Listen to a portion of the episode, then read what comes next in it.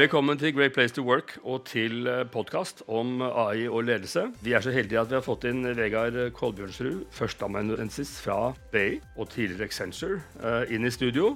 Jeg sitter her også sammen med Jannik Krohn Falk, eh, administrerende direktør i eh, Great Place to Work. Og jeg er Trond Kleivane, styreleder og partner i Great Place to Work.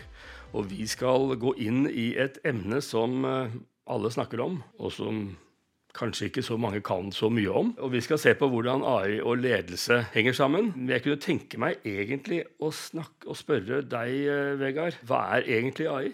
Ja, Det er jo noe mange snakker om, og det betyr veldig mye forskjellig for forskjellige folk.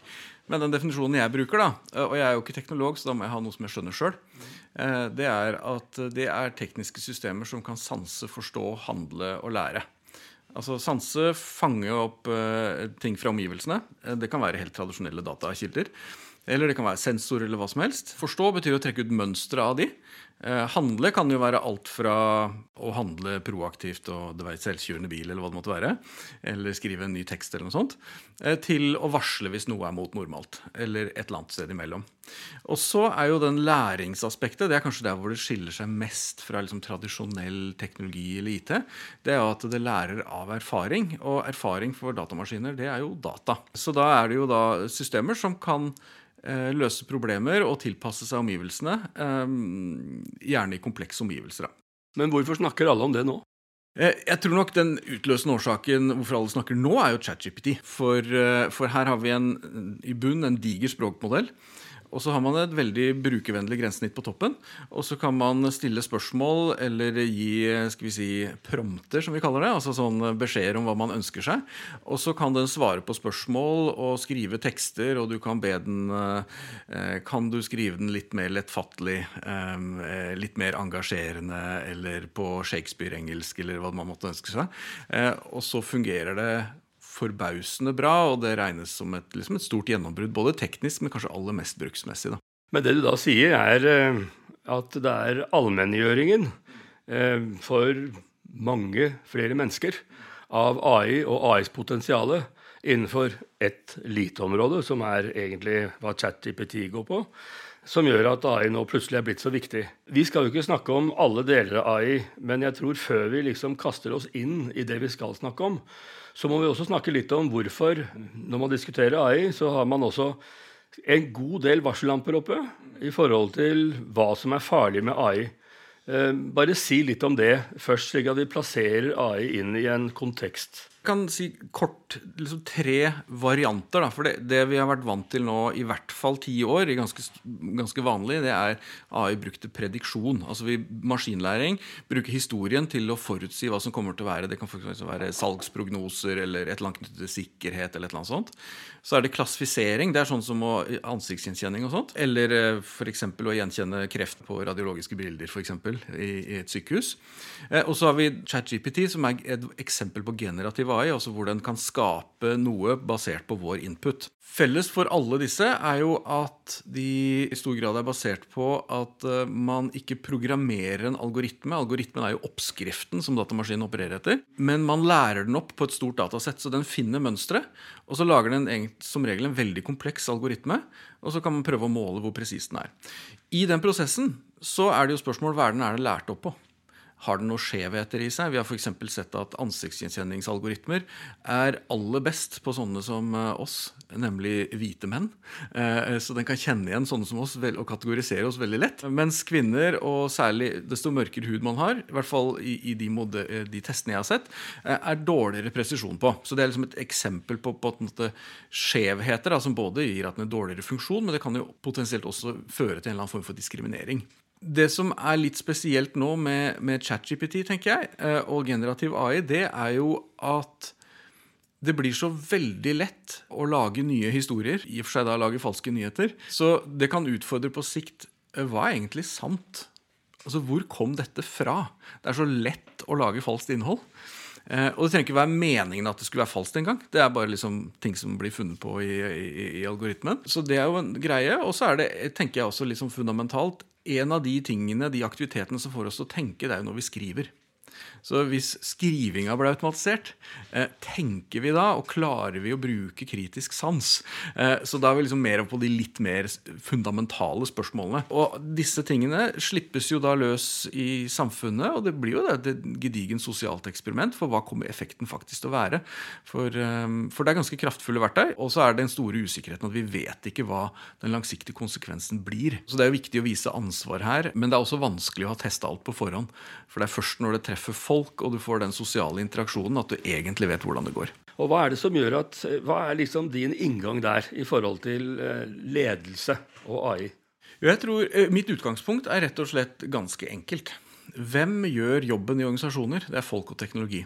Hva må vi som ledere skjønne? Vi må skjønne folk og teknologi i tillegg til faget vårt. Da. Og det er utgangspunktet. Er det én ting vi har ansvar for som, som ledere, på sånn det mest elementære nivået, er jo en eller annen form for arbeidsfordeling. Hvem skal gjøre hva, og hvordan skal dette virke innenfor den skal vi si, Uansett om du er leder på gruppenivå eller på mer sånn på toppledernivå. Og da må vi skjønne folk, og vi må skjønne teknologi. Det betyr ikke at alle må bli psykologer eller alle må bli eh, dataingeniører. Men det betyr at vi må ha en interesse og vi må ha en grunnleggende forståelse for hvordan det virker. Forholdet mellom mennesker og teknologi da, og, kunstig intelligens på arbeidsplassen er mye mer enn bare en sånn hvem skal gjøre hvilke oppgaver. Fordi det viser seg jo at det er sånne interaksjonseffekter. altså Det skjer noe når vi samspiller, så skjer det noe med begge parter. Enda mer nå med den teknologien vi har nå, fordi den veldig ofte lærer av atferd og input og hva som skjer underveis. Og Et eksempel på det fra et intervju som vi har gjort, det var fra en forsikringssetting hvor, hvor noen brukte eh, kunstig intelligens i saksbehandling og håndtering av krav. Da sier eh, vedkommende, en toppleder i et amerikansk forsikringsselskap, han sier hvis det så likt ut, to saker, så behandlet vi det likt. Og så kommer algoritmen opp med to ulike anbefalinger for to saker som ser like ut for oss. Så, han, så begynner vi å klø oss i huet og grave dypere, sier han. Og i ytterste konsekvens så leder det til en bedre beslutning. Og Da ser du liksom hvordan maskinlæringsalgoritmen fanger opp mønstre som vi ikke ser, for vi ofte ser litt overfladisk på ting. Og så får du noe som overrasker, og så begynner folk å tenke. Og så begynner de å sjekke litt etter, og så finner de ut at ei, her var det jo faktisk en systematisk forskjell som vi ikke har tenkt over. Eh, og så endrer man praksis. Så her får du liksom interaksjonseffekten mellom maskinlæring på ene siden, menneskelig læring, og forhåpentligvis så gir det en form for organisasjonslæring. Og det er sånne type effekter som jeg tenker vi må være åpne for og begynne å tenke rundt hvordan vi skal håndtere. Hvordan funker det samspillet egentlig? Jeg vil tenke om det her som det nye tverrfaglige teamet. Det er bare enda mer tverrfaglig, eh, og det er enda mer mangfoldig, da, i og med at det ikke bare er eh, forskjellige typer folk, men det er forskjellige arter, holdt jeg på å si, med både algoritmer og, og, og folk. Det er en meningsfull måte å se det på, fordi da ser du til komplementaritet. Eller hvor er det vi kan ting som vi er bedre på enn en, en maskinene? Og hva er det de kan som er bedre enn oss? F.eks. så kan de håndtere informasjonsmengder på en helt annen måte. Være raskere. Kan håndtere sannsynlighet. Det er vi systematisk dårlige på som mennesker. Å håndtere sannsynlighetsproblemstillinger. Men da må vi finne ut av hvordan det samspillet skal foregå, og det er egentlig den reisen da, eh, som ledere er på vei inn i. Hvis man tenkte, og Veldig spennende det du sier i forhold til at dette er liksom et nytt eh, teammedlem. En ny eh, sammenbindingskraft og analysekraft midt inne i organisasjonen. I forhold til organisasjoner som da ofte er veldig silobaserte, og som er på vei andre steder. Og hvordan få dette til å virke. Eh, ved at man får informasjon, forstår den på en annen måte og bringer frem informasjon til beslutning på en annen måte. Men altså ledelse er jo Når vi tenker ledelse, tenker vi ofte på tre nivåer. Veldig mye av det vi møter der ute, ledere, er jo ofte altfor opphengt i administrasjon. Bare for å ta den biten. Nå er jeg veldig sånn enkel fra en ledelsesperspektiv. Det å forstå eh, for å kunne ta beslutninger i forhold til situasjoner, i forhold til kontekst. Um, og det er den tredje som vi er mest opptatt av i Great Place to Work, er jo ledelse av mennesker. Altså optimalisere den. Alle disse tingene er det jo ofte bedrifter og ledere har et veldig ubevisst forhold til disse tre også. Før AI. Og nå sier du at AI kommer, og det gjør det. Eh, og da kan det jo bli ganske stor forskjell på de ledere som begynner å se hvor de kan bruke dette, og forstår disse tre dimensjonene av ledelse, og de som ikke er i nærheten av å gjøre noe annet enn å, enn å gjøre som de pleier. Og vi er mange av de, og det er ikke noe galt i det, men det er, liksom, det er en bevissthetsreise her, også i forstå ledelse. Så i forhold til de tre områdene, hvis jeg holder det på de, hvor er det du tror AI kan gjøre sitt første og sterkeste inntrykk for vanlige ledere? Da vil jeg starte litt sånn optimistisk, jeg faktisk. I det der eh, spennet mellom eh, skal vi si, administrativ ledelse og ledelse-ledelse da, i forskjellige varianter, så har vi jo vært altså For det første så, så har vi vel knapt sett god ledelse eh, hvis det er bare rot. Så Vi trenger god administrasjon. Det er, det er, nødvendig, men ikke tilstrekkelig. ikke? Tenk deg, Hva er administrasjon egentlig? Det er rutinebasert informasjonsarbeid. Hva er det datamaskiner er spesielt gode på? Det er rutinebasert informasjonsarbeid, eller in informasjonsbasert rutinearbeid, eller hva du vil kalle det. Og så langt så har jo digitaliseringen stort sett ført til mer administrasjon og ikke mindre. Nå ser vi eh, endelig konturene av at det kan være mulig at vi kan få hjelp til det administrative arbeidet. At alle ledere kan få sin eh, smarte sekretær som er på jobben 24-7 og få hjelp til de tingene som krever ordnings. Du kan få et utkast på, til månedsrapporten som er ganske bra, og så kan du strø din uutgrunnelige visdom som gullstøv på toppen før du leverer. Eh, altså Fordi det er noe med den menneskelige innsikten også. Så jeg tenker at her ligger det enorme muligheter. Og noe av problemet med, altså noe av årsaken til å kalle mangel på ledelse da, med stor L på arbeidsplassene, det selvfølgelig har noe med kompetanse å gjøre og bevissthet, men det har også noe med kapasitet å gjøre.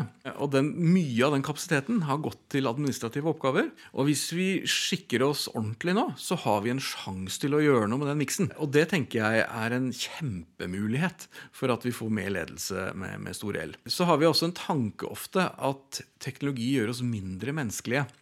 Men hvis du tar ut en del av rutinearbeidet, og du kan ha mer fokus på det mellommenneskelige, så, så, tror jeg kanskje flere kan gjøre det bedre også. Men jeg har også sett eksempler på et helt konkret eksempel. En av studentene mine i en sånn eh, executive class, som det kalles, nevnte at det var en leder i, i deres organisasjon skal jeg prøve å være ikke spesifikk på det, som var kjent for å kommunisere veldig problematisk. Faglig enormt flink, men skapte masse friksjon rundt seg. Og vedkommende hadde tydeligvis skjønt at det var et problem, men sleit med å gjøre noe med det. Og vedkommende har nå begynt å bruke ChatGPT til å skrive e-postene sine. Og folk er mye mer fornøyd. Skjønner du hva jeg mener? Så det er ikke nødvendigvis sånn. Fordi nå klarer du å skrive en vennlig e-post og formidle poenget sitt uten å fornærme folk og tråkke på dem og få dem til å føle seg mindreverdige. eller hva Det måtte være, ikke sant? Altså, det kan faktisk, brukt riktig, forsterke medmenneskeligheten vår. da. Særlig eh, de ledere som trenger litt hjelp på den fronten. Det er kanskje det bildet. og når vi, når vi gjorde en undersøkelse for noen år siden eh, hvor vi så på ulike typer lederoppgaver eh, og opp imot kunstig intelligens og hva de var åpne for osv., og da så vi jo En av tingene vi så, da, var jo at ledere flest, og det var uavhengig av bransje og ledernivå, brukte drøyt halvparten av tiden sin på administrative oppgaver. Så hvis vi kan gjøre noe med den, så, så, så ligger det et kjempepotensial i det. altså. Men bare, jeg har lyst til å følge opp. Det veldig spennende det du sier, og veldig i tråd med hvordan vi tenker på dette som ikke-eksperter. Men du får tid. Du får mer tid.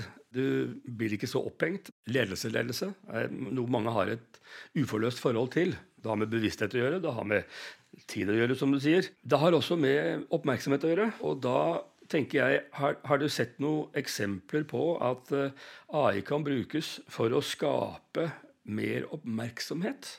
På de tingene som du da ikke gjør nok av. Slik at du øker graden av empati. Eh, du blir nødt til å ta de tingene som du ikke selv husker eller tenker på, fordi, og, og lærer etter hvert eh, å gjøre mer av de tingene som du ikke er så flink på. Jeg vet ikke om jeg har systematisk empiri på det, så der skal jeg være litt forsiktig. Jeg tror det er potensial der, og jeg tror noe av det vi må også skjønne, det er jo at konsekvensen av teknologi er ikke automatisk. Så samme teknologi kan ha ulike effekter avhengig av hvor den blir brukt. Og det vi omgir oss med hele tiden av kommunikasjonsteknologi, kan jo brukes både til å sørge for eh, delegering og myndiggjøring, at folk får den informasjonen de trenger, så de kan ta selvstendige beslutninger på jobben og være autonome og myndiggjort. Men du kan bruke den samme teknologien til en stram sentralisering, uavhengig av hvor du befinner deg. For du kan, du kan kontrollere folk overalt, alltid. Så det er jo et stort spørsmål. Det er jo hvordan vil vi utvikle organisasjonen vår, og hvordan vil vi bruke den teknologien? For konsekvensene av teknologi det kommer ikke bare av teknologien, det kommer i hovedsak av hvordan vi velger å bruke den. Og det er et ledelsesspørsmål. Og da må vi ha en forståelse av det, hvordan ønsker vi å, å utvikle organisasjonene våre, og hvordan skal det være å jobbe der og være der. Den problemstillingen det kommer verken teknologien til å løse eller eh, si, ødelegge i seg selv. Det, det handler om den bevisstheten. Så da antar jeg de bør snakke med både dere, da, eller gå på kurs på BI eller et eller annet sånt. Men, eh, men det Nå nikkes det veldig sånn fint på andre siden av bordet her. Nei, men, men, jeg tror bevissthet er veldig viktig, og kompetanse. Men eventuell mangel på det blir jo enda synligere fordi man er mer eksponert, fordi det blir en større del av lederoppgaven lederrollen. Det er kritisk større forskjeller mellom gode og dårlige ledere. Jannik, du har noen tanker ja, rundt dette? Det med tid det hører vi fra veldig mange av kundene våre. Tid er flaskehalsen for ledere alltid. Men det som jeg synes var interessant når du sa om relasjoner, så er det flere nå som opplever at de unge bruker ChatGPT istedenfor å snakke med seniorer, f.eks. Istedenfor å snakke med lederne sine og stille spørsmål og lære den veien der. Det krever mindre forberedelse. Det er ikke, det er ikke dumme spørsmål, for du får på en måte det svaret du trenger for å skape det fantastiske læringsmiljøet og mestring osv. Er, det, er det noe du ser, eller dere ser, om dere har empiri på den, hvordan forskjell på generasjoner i forhold til å ta dette i bruk? Nei, altså Konkret har jeg liksom data på akkurat det. Svaret er vel nei. Men jeg tror det mønsteret du ser, det er nok reelt i mange sammenhenger. Og jeg tror det forsterkes av pandemien som vi har gått gjennom, og hybridarbeid og fjernarbeid. Fordi det skaper fysisk distanse og, og fjerner noen av de naturlige, eller mer som en sånn ja, som, som kom som en konsekvens at vi klemte alle inn i samme bygning til samme tid.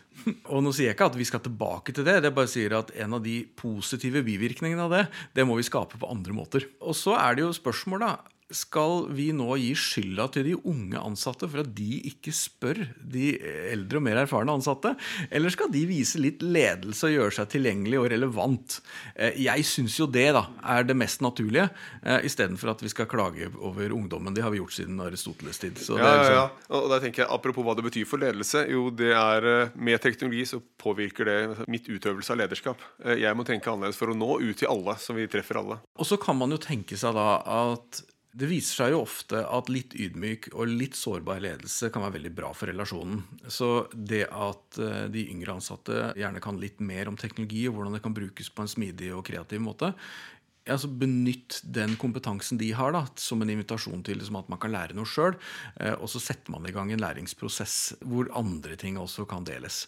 Veldig, veldig, klokt og i tråd med våre, si, våre prinsipper og det, vi, våre anbefalinger. Jeg kan bare dele en ting Apropos det du sa med han som skrev disse e-postene. Trond og jeg var sammen på tur nylig, og der var det også den hvordan han holdt en tale, f.eks. Det er masse stor bredde i det å være leder for et team. Å holde tale. Noen har bursdager, det er jubileer og den type ting. Jeg fikk en limerick servert. Han som skrev limerick, eh, det var ikke noe som han pleide å gjøre. Men gjort den prompten riktig eh, eller god, og fikk en limerick tilbake som ble presentert i den samlingen. Så, så det er noe med også å bruke systemet eller teknologien positivt for å styrke relasjoner, og også utfordre seg selv litt, apropos det å være litt ydmyk som leder. Vi ser ganske mange morsomme eksempler eh, hvordan det tas i bruk. Ja, og jeg brukte det senest i går. Ja, jeg har fått uh, akseptert en artikkel da, som er på dette temaet. Den, den, kommer snart i California Management Review. Den heter 'Designing the Intelligent Organization. Gratulerer. Six Principles for Human AI Collaboration'. De skal da ha en video da, ikke sant? og noen, noen sånne sammendrag da, for litt ulik type publikum. Og så I en akademisk artikkel så, så, har man såkalt abstract. Det er sånn, veldig sånn konsentrert og, og, litt akademisk sammendrag. Og så putta jeg det bare inn i ChatGPT, og jeg ville gjerne ha et forslag på noe som var uh, lettfattelig og engasjerende. ikke sant? Og så tok jo ikke jeg hele avskriften, men det var noen formuleringer og noen vinklinger der som jeg lot meg inspirere av. Og så brukte jeg det i, i, noen av de andre formatene som jeg skulle skrive. Så det er en sånn helt praktisk greie, fordi ja, du har ulike målgrupper, og du har ulike ting, og det finnes en million måter å gjøre det på, selvfølgelig, men det er en sånn praktisk sak. Veldig, veldig interessant. Altså veldig to the point, eh, syns jeg, det du kommer på. Innsiktsfullt, og jeg tror det er spennende for de som lytter. Hvis de som lytter, er vanlige ledere i vanlige organisasjoner, så er jo spørsmålet, når dette er såpass skal vi si, både bredt og dypt, og det er både individuelt og det er kollektivt, hvordan organisasjon skal nå i dag, gitt at dette allerede er modent nok til å utnyttes. Uh, og det er jo ikke snakk om store investeringer. Det kan det være, fordi det er avhengig av hva du gjør med det. Hva vil du si vil være en Kall det en Mikke Mus-inngang. Altså en veldig praktisk snusfornuftig inngang til dette. Hvis du sitter i en ledergruppe og tenker hm, hvordan skal vi nå ta del i dette? Altså både utvikle læring på det og bruke det uten å lage noen store prosjekter, men altså gradvis gjøre dette til en del av vår kultur. Hvor er det man starter da? Og da snakker jeg ikke på den enkelte leder, jeg, jeg begynner i ledergruppen. Ja. Eh, jeg tror jo eh, både på individnivå og på selskapsnivå så tror jeg den viktigste oppfordringen er eh, prøv, da vel. For, fordi vi trenger å prøve ut for å skape praktisk forståelse av hvordan noen av disse verktøyene fungerer. Og orientere seg litt. altså Man kan jo lese og få litt oversikt, og man kan gjøre litt sånne greier. Og man kan kanskje også invitere hele eller deler av organisasjonen til å dele sine erfaringer med forsøk som de har gjort sjøl i jobben sin. For å fange opp litt det. Og det tror jeg ofte ledere både forventer av seg selv og tenker at andre forventer av dem at de skal ha svar på alt mulig. Den langsiktige retningen og liksom, hva er verdiene våre og hvordan skal det være å jobbe her. Sånn. Selvfølgelig skal de ha en formening om det. Men jeg tenker jo at når vi, jeg jobber med noen tanker rundt intelligens, da, og en ting er som hva gjør folk intelligente, men hva gjør organisasjoner intelligente? Og det er ikke å basere alle beslutninger på én persons intelligens. For det er den kollektive intelligensen begrenset av den ene personen. Så hvordan får du løst den kollektive intelligensen? Og nå da i tillegg med litt sånn eh, skal vi si, kunstig intelligens på toppen av det, så får du på en måte en mulig akseleratoreffekt på det. da. Skal man først prøve ut, da, hvis du tar ChatGPT som et praktisk eksempel, så tenker jeg at prøv det ut på noe som ikke betyr noe. Det er den ene strategien, for da, da, er ikke konsekvensen så stor. Det andre er prøv den ut på noe du kan veldig godt, så du har forutsetning for å vurdere kvaliteten. For det er først etter du liksom, fordi du lærer deg etter hvert hva er den god på, akkurat som du er med kollegaer òg. Liksom, Lise og Lars, liksom, hva er de flinke på, og hvor er det de trenger litt hjelp. Så det tror jeg er et startpunkt, og så må det jo jobbes mer systematisk med uh, over tid. Etter hvert så trenger man antageligvis også folk med spisskompetanse på maskinlæring og den type ting. Men det skjer også veldig mye spennende på det som kalles no code code og low code verktøy, som gjør at eh, den type Du kan gjøre ganske mye kraftig uten å, å liksom være ingeniør i bånn. Og det også eh, skal vi si, inviterer jo til en eksperimentering, kan man si. Så tror jeg, hvis, hvis noen har tenkt å ansette seg ut av den kompetansemankoen som vi sitter på, så tror jeg ikke man får til det. For allerede så er det jo stor manko på såkalte data scientists, altså de som er flinke på maskinlæring. Og jeg tror også at selv om du bare hadde ansatt masse av de, da, så må de fortsatt skjønne virksomheten hvis de skal brukes til noe vettugt. Så jeg tror nok vi må eh, selvfølgelig ansette folk med spisskompetanse, men det viktigste som skjer, det er å gi en eh, digital grunnkompetanse og det man gjerne på nynorsk kaller AI literacy, som, som er eh, en grunnleggende forståelse. Folk kan ta dette her i bruk i hverdagen. Og at de blir ikke bare ledere, men også ansatte blir reelt sett tospråklige. De kan snakke menneskespråk og de kan snakke maskinspråk. eller i hvert fall De kan håndtere begge typer kollegaer. Det tror jeg kanskje er en sånn nøkkelgreie. og så vil det komme helt an på hvor behovet er, hvor potensialet er, hvilken bransje man er i, hvilken type teknologi man trenger eller skal bruke. Så jeg skal ikke gi noe sånn blank sånn en en universaloppskrift som skal funke til alle. Men, men, du kommer ikke noe sted uten å ha prøvd det. i hvert fall. Jeg skjønner godt du sier det ikke er universaloppskrift i forhold til alle, men i forhold til akkurat det med ledelse, så er det ganske likt, tenker jeg. Enten du er en liten eller stor organisasjon. Fordi du tar administrative biten, som du selv har vært inne på, er veldig konkret, og hvor du kan gjøre den mye enklere. og det vil, Samme er en stor organisasjon, samme i offentlig sektor osv. Så, videre, og så, videre. så alle har en del felles her på ledelsesbiten. Og så er det selvfølgelig hvordan du utnytter The Extension, altså hvor bransjen er, det er jo helt forskjellig. Det, er, det, det kan jo være alt. Men, men du, som du sier, altså, på det administrative altså Alle ledere må lage noen rapporter av noe slag. Veldig mange har et element av bemanningsplanlegging. Den type ting som, eh, som, algoritmer kan støtte oss veldig godt på. Og det kommer jo masse interessante eksempler ut nå. Jeg leste sist. Jeg er involvert i, i, i helsesektoren gjennom fagansvarlig sammen med kollega Bjørn Erik Mørk på det nasjonale topplederprogrammet for kommune- og spesialisthelsetjenesten. Og der leste jeg nettopp noen nyheter knyttet til hvordan man kan bruke maskinlæring til å ha bedre prognoser på sykefravær og andre ting, som gjør at man kan ha rigga bemanningsplanene sånn at eh, det ikke blir en hel masse sånn vill, frenetisk ringe etter vikaraktivitet. Vi ser det hos mange kunder hos oss, apropos det succession planning og liksom hva kommer, og sånn, at det er eh, mange som ikke har kontroll på dataene sine, hvis vi sier det sånn. Eller ikke klarer å utnytte dataene. er veldig riktig. Man, man ser jo hvordan altså, mønster i alder, ansiennitet, hvor lenge man har vært der, og ikke bruker det prediktive. Da. Så det ser vi jo det ser vi ganske mange. Men vi opplever også, eh, i hvert fall ganske mange ledere jeg snakker med, det er, det er litt den usikkerheten på å kalle det litt den gi tillit og slipp og prøv. Man vil gjerne, kontra risiko.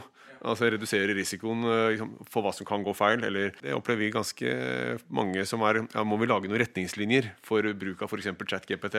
Det er jo ganske mange som, eh, som er våre som snakker om. Det, det, trenger man jo, men hvis du tenker liksom rundt la oss si en, en, en liksom praktisk sak, da, som bemanningsplanlegging, så så kjør dobbelt opp en periode. da. Så Gjør det på gamlemåten samtidig som du får sjekka ut hvordan eh, si, inputen fra systemet er, og se hvordan det virker over tid. For det er jo en rimelig forventning at det må jo virke over tid for at det skal være noe verdt å gjøre. Så man må jo prøve ut der, men gjøre det på ansvarlig måte. da. Og ikke bare liksom slippe tøylene og så bare liksom satse på at hesten vet hvor han skal. Du sier prøv og feil. Man kan ikke ansette seg ut av det. Man kan heller ikke delegere det. Og så er det snakk om hvordan man får bevegelse da, i en travel hverdag i en bedrift for at man faktisk gjør noe på dette, og ikke bare ligger på været og, og, ikke gjør noe. Er dette et, et, område som må ha en ansvarlig i ledergruppen som har en rolle i noe? Eh, er, er, det noe liksom, Må man sørge for at det er et eller annet der som, som, som gjør at det er prosess på det? Jeg tror nok det. Faren er jo for i utgangspunktet kan du si at dette angår alle, så sånn sett så blir det alles ansvar. Og hvis det er alles ansvar, så hender det ofte at det blir ingens ansvar. Så særlig i en overgangsfase så tror jeg det å plassere et ansvar for å bygge eh, si, kapasitet og kompetanse på, på relevant teknologi da, er viktig. Men det er også en egen dynamikk som er litt skummel med sånne egne enheter. Det er at de begynner å eksistere for seg selv og ikke for fellesskapet. Og i innovasjonslitteraturen så snakker vi om eh, strukturell separering. Det betyr i praksis at du har en egen avdeling som jobber for seg selv, og som kanskje bare rapporterer rett inn til toppledelsen. Og skal du skape noe nytt produkt og sånn, så kan det funke veldig fint. Men hvis du skal skape en ny felles praksis, så klarer du ikke det på utsida. Så du har en, et eller annet sted med noen sånne Centers of Excellence eller et eller annet, men hvor, hvor, eh, hvor oppdraget er å dyktiggjøre hele organisasjonen og finne fornuftige måter å gjøre det på. Da tror jeg kanskje du får en eller annen form for balanse da, mellom å plassere et ansvar eh, og få litt kritisk masse på kompetanse og kapasitet.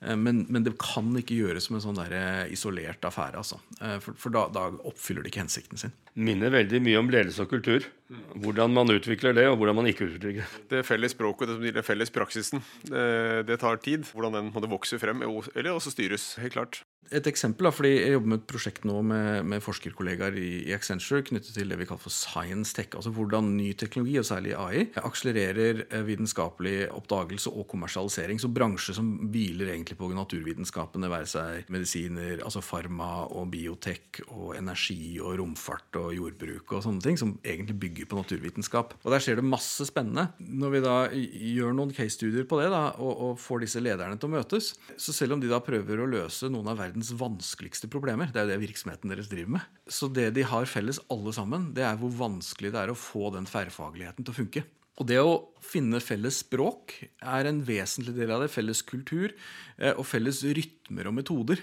For da vitenskapsfolka, da, eh, selv om de jobber i en kommersiell setting, om det er biologer eller uh, fysikere eller hva det måtte være, og disse skal vi si, datafolka, som har mer sånn engineering-tankesett, har veldig ulike rytmer og språk. Og de jobber veldig mye med å få til bl.a. krysstrening, da, som gjør at For du må ha overlapp mellom kompetanseområdene hvis du skal få synergi. Det holder ikke bare å si at vi trenger de og de kompetansene, og så setter vi de sammen. For hvis de ikke har noen grenseflater mot hverandre, så får du ingen synergi ut av det. De bare prater forbi hverandre og aner ikke hvorfor de andre er der. og sånt. Så det er liksom krysstrening. Så det betyr da at vitenskapsfolka blir opplært i maskinlæring og vice versa. Noen er så bevisst på det at de lager og vedlikeholder en felles ordbok. Når vi bruker det ordet, betyr det det. For det viser seg at på noen av disse disiplinene sånn at de bruker samme ord som betyr ulike ting, eller at de sier samme greia med ulike ord. For jeg ser for en del av kundene våre, De snakker mye om mye skrevet også, i forhold til rekruttering. Du var litt inne på mangfold, du har inne på biaser eller på en måte bevisst eller ubevisst diskriminering. eller hva det skal være. Jeg vet ikke om hva du ser, eller forskningen sier så langt. i forhold til, Der har det vært litt modeller i forhold til de beste som vi jobber med. De beste arbeidsplassene. De er ekstremt gode på rekruttering. Har veldig gode prosesser og screeninger og osv. Men det er jo veldig mange som ikke er gode nok, hvis jeg sier det sånn. Har du noen tips eller noen innsikt i kall det rekruttering? Det kan være både for riktig menneske, at man ikke følger biaser. Det kan være opp mot mangfold. Den type er noe som du ser der? Eh, for det første så bare nikker jeg gjenkjennende til problemstillingen. Ja. Så det, sånn, det, og, og det er ikke mitt ekspertområde som sådan. Det jeg tror, da det, det, har jo nå vært mye oppmerksomhet knyttet til sånn bias, eller sånn systematiske skjevheter som algoritmer gjør. Og vi blir liksom moralsk indignert når vi oppdager at algoritmene diskriminerer eller forskjellsbehandler på et eller annet vis. Men det gjør vi òg. Det er så mye vanskeligere å måle. Ja, ja. Og det er noe av poenget her. Fordi vi må erkjenne at gjennom digitaliseringen så har vi også en større forutsetning for å oppdage våre egne skjevheter i menneskelig samhandling. Og så har vi en tendens, hvis vi ikke følger med, så bare serverer vi jo dataene basert på vår egen atferd til algoritmene, og da blir de omtrent like diskriminerende som oss. Men her ligger det jo også en mulighet, fordi algoritmene kan jo trenes opp til å oppdage kjente skjevheter, f.eks. Det være seg kjønn eller etnisitet eller hva det måtte være, som er de relevante dimensjonene her. Så du kan få tenke deg også at jeg tror vi skal tenke mangfold også med algoritmisk mangfold.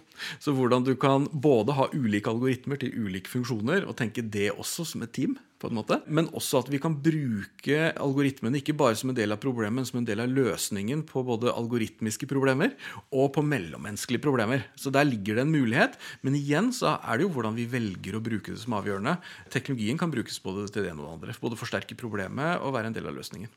Men vi må vel si at konklusjonen da likevel i forhold til disse enorme mulighetene som ligger rett foran oss, eh, og som alle organisasjoner og ledere kan ta i bruk i dag, at de mulighetene er så store, og at skal vi si, ulikheten i å ta det i bruk, og hastigheten i å gjøre det til en del av sin egen verktøykasse, at den kommer til å være så forskjellig at her blir det en Forskjells-Norge av de som da kommer om bord og begynner å ta dette som en del av sin naturlige kultur, og de som da er helt utenfor. Litt, har du sett noe på det? Jeg tror du har rett, og særlig i en tidlig fase så blir det veldig strekk i feltet. Så tror jeg nok at det blir noen normer rundt dette også. Så det setter seg litt. Jeg vet ikke om du tenker tilbake da, da mobiltelefoner ble allemannseie og folk tok telefonen og snakka høyt alle forskjellige steder. Og det ser du jo ikke lenger, fordi det er bare dårlig kultur, og folk blir tuppa i leggen eller får en veldig tydelig tilbakemelding. Liksom det, er, det er, på, på, grensen til å røyke og puste røyken rett i fjeset på noen, på en måte, hvis du gjør det nå. Og da har normene satt seg litt. Og de var jo da, de var ikke på plass i begynnelsen, fordi det var helt nytt. Og så tror jeg det også vil skje her etter hvert. da. Og så fungerer jo en markedsøkonomi, da, så hvis du tenker liksom næringslivet, den, den er jo det er et et økosystem her hvor, hvor, ting eh, lever, vokser, skaper, krymper og dør og, og komposterer, holdt jeg på å si. Så de som ikke tar dette på alvor og, og, og liksom definitivt ikke mestrer det over tid, de vil jo ikke finnes. Og det høres jo litt dramatisk ut, men det er kanskje også fint. Jeg tror vi lar det være siste ord. Eh, tusen takk skal du ha, Vegard, for at du kom til oss. Takk til, eh, fra Jannik og meg selv.